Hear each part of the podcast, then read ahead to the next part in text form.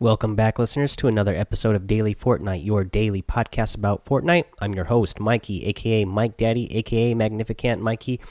And uh, today, earlier today, the Blitz Showdown uh, tournament has ended. So hopefully, you all got your 25 matches in. Again, the Blitz Showdown was in Blitz mode, uh, solo, and it was Blitz mode. So, uh, you know, it was really easy to get 25 matches pretty quickly for me. Uh, you know, I felt like I was struggling to get the 50 matches that first uh, tournament that we had going around, uh, but especially playing blitz mode and you had to only get half the matches in uh, from the last tournament. It it was easy to. I didn't feel stressed out at all that I wasn't going to get uh, my matches in on time for this one. So I got all mine in. Like I said already, I I don't think I'm going to end up on that board. Uh, you know, I did half and good of them, and then did pretty bad in the other half. So uh, well, I guess we'll wait and see. Hopefully, you guys, uh, some of you out there, got yourself on the board, and I can't wait to hear about it if you did. Uh, and there's a lot more chances to get on the board since they did uh, break it down into five different. Um, servers uh, that they're going to be ranking now. So uh, wherever you're at, because I know I got people listening all over the world, which is pretty crazy. Uh, but uh, wherever you're at, uh, if you got on that uh, top 1,000 board, um, whatever server you're on, let me know and I'll call give you a shout out here on the show. let's see here. What else do we got? We got a little bit of news you know, besides the tournament being over, you know, uh, Fortnite did put a little tweet out on their Twitter saying Blitz Showdown is over, and then a little gold medal thing. And then they say winners will uh, be announced later this week. Thanks for competing. Uh, so the tournament is over, but the, yeah, they haven't uh, put a, put that leaderboard up yet, so we don't know how anybody has done, but uh, it'll be up later this week. Also, from their uh, official Twitter. They say uh, Bounce to Impressive Heights in the version 4.3 content update is available tomorrow, June 5th, uh, at 8 a.m. Eastern, uh, 12 uh, GMT, no downtime. Uh, so that's great. Again, uh, we're going to have no downtime for the content update tomorrow, version 4.3. Of course, I will have my episode up tomorrow that will cover that. I'll wake up first thing in the morning, try to play a little bit over a little bit of it, and go over the patch notes and then bring you episode uh, that covers all of those and uh, kind of you know I'll read as I read through them I'll kind of see which ones I you know I'll kind of highlight whichever ones I think are uh, impressive. We also know, as I said here, bounce to impressive heights because we are getting a new bouncer that is coming to um, Fortnite. Now, this is not the same um, uh, jump pad that we had in the past. This is going to be different. We don't know exactly how yet, uh, but we do know that there's going to be no fall damage with this. So this is going to be pretty uh, crazy to see how this is going to be implemented in the game. I'm sure you can jump yourself off of some pretty tall mountains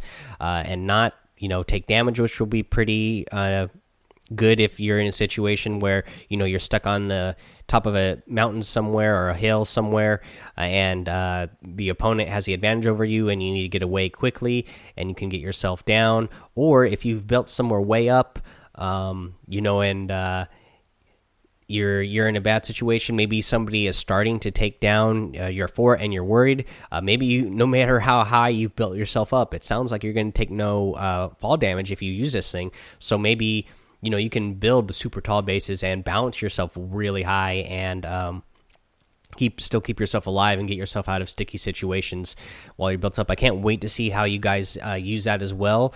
Um, you know, send me those clips and. Uh, you know, uh, on my Twitter, send those to me. I've gotten some people sending me clips of them playing. Uh, I always like them. Uh, there on Twitter, I think it's pretty uh, fun to watch you guys playing. Uh, let's see here. What else did we get? Oh, on my Twitter, I got a little message here from, uh, I'll just say uh, Joey. He says, Hey, Mike, great podcast. Very helpful tips for this addictive game. You're helping this Fortnite rookie hit the ground running once I do get a chance to play. I too have two jobs, so it's challenging to keep up with the new updates. And then he's got hashtag mud underscore butt underscore 17. On PS4. So I'll add you later, Joey. Uh, when I get a chance to fire up my PlayStation, I'll make sure I add you. Um, let's see what else. Uh, but yeah, thanks for sending that message to everybody else. I encourage you to send me uh, stuff on uh, Twitter as well. Uh, let's get into uh, a tip that I have for you today. So, actually, a tip that I have for you is. Um, you know, right is right. That's going to be the podcast uh, episode name for this one. But yeah, you're uh, you're right is right uh, because uh, the the camera in Fortnite is right-handed. If you'll you'll notice, you know, whenever your characters are holding gun, they're they're right-handed, but the camera is also angled and oriented uh, to the right hand side. It is not a centralized camera; it's right-handed. Uh, so that means, uh, you know, when you build a ramp, uh, you're kind of want you're gonna want to stay on the right hand side of the ramp whenever you're peeking up over the ramp. Um, peeking your head over the ramp, uh, you want to stay on the right side uh, because that'll give you a better angle based on the camera uh, that uh, Fortnite implements within the game. Also, you can use this to your advantage in game, no matter where you are. If you can lure um, your opponents, if they're if you're being chased and uh, you know somebody's shooting from behind you and you're in a bad situation, you don't know where they are exactly. You can duck yourself around a corner or into a room somewhere, and then you put yourself on the right hand side of the room. Uh, so that uh, you will have the better angle to shoot from when your opponent comes looking for you or through the door. Again, this is because the game camera, the in-game camera, is oriented to the right-hand side, uh, so you will get a better angle. You'll have you'll get better shots off if you always keep yourself to the right when trying to uh, down your opponents. All right, uh, that's what I have for you today, guys. Again, uh, there should be a lot more tomorrow because we have the con uh, the version content update tomorrow. Um, I don't really have a lot else to say. We don't have any iTunes reviews today. Um, I'm continuing to get a lot of uh, people favorite my uh, podcast on uh, Anchor. So I want to encourage you guys to go over there as well and use that call in feature uh, because tomorrow we're getting the con content update uh, where you know we recently got um, shopping carts, we've gotten the apples, we've gotten mushrooms.